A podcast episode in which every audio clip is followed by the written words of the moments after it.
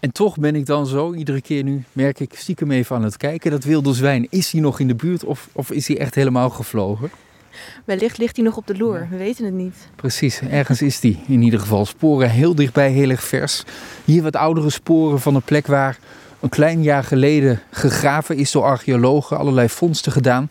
En ik ga even met mijn voetstappen. Dus heel nauwkeurig is het niet. Probeer het te meten.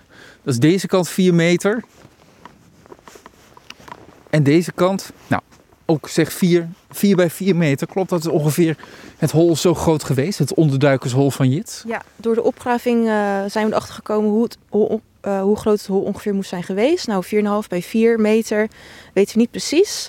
Um, dus we hebben een soort reconstructie gecreëerd. En wij weten dat um, ja, er zijn ook uh, paalsporen uh, gevonden. Dus er is een paal in het midden gestaan en daarop heeft dan een dak gestaan. En de muren zijn van hout gemaakt, dat weten wij ook. Uh, en we weten ook dat er een soort stapelbed is geweest. Dus Jits en zijn vader sliepen in de nok van, van het onderduikershol. het waren helaas niet matrassen waar ze op sliepen, maar het was stro. en onder Jits en en zijn vader sliepen dan andere onderduikers, want die zaten soms ook in het hol. Dus die moesten ook weer doorreizen naar andere holen. Ik vind het zo bizar. Hè? Als je, het is je eigenlijk niet voor te stellen toch dat je zo op de vlucht moet slaan dat je op een plek in de middle of nowhere in een hol in het bos moet onderduiken. Ja, dat is natuurlijk iets wat je tegenwoordig niet uh, kan voorstellen. Maar helaas voor Jits en zijn vader is dat toen wel een realiteit geweest. Ja, Tweede Wereldoorlog. Um, maar ook tegelijkertijd denk ik het leven in zo'n hol. Gaat ook gewoon door. Hij zat daar met zijn vader. Je hebt toch een vader- en zoon verhouding.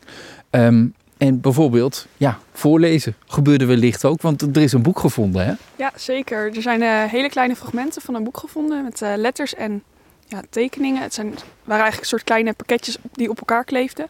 En uh, wij hebben die onderzocht op Saxion met uh, behulp van verschillende lichtbronnen. En zo hebben we eigenlijk achterhaald wat boek voor boek er... het is. Ja. ja, want ik heb ja. het boek gezien net toen het gevonden was, ja, ik, ik, kon een paar letters ontcijferen. Dat maakt het heel erg spannend meteen ook dat je gaat afvragen welk boek is het. Maar met onderzoek kun je er dus achter komen wat voor boek dat is geweest.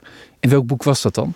Het was de strijd tussen Noord en Zuid uh, in een duel om een plantage van Jules Verne. Klinkt toch als oorlog. Ja, dat klinkt wel spannend, ja. Ja, dat klinkt als een spannend boek. Terwijl je denkt, nou, als je in zo'n situatie zit, dan hou ik me daar verre van.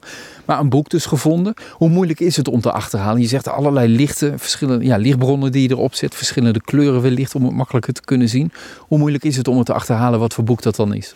Nou, ik moet eerlijk zeggen, het klinkt veel spannender dan dat het eigenlijk is. Oh. Het viel heel erg mee.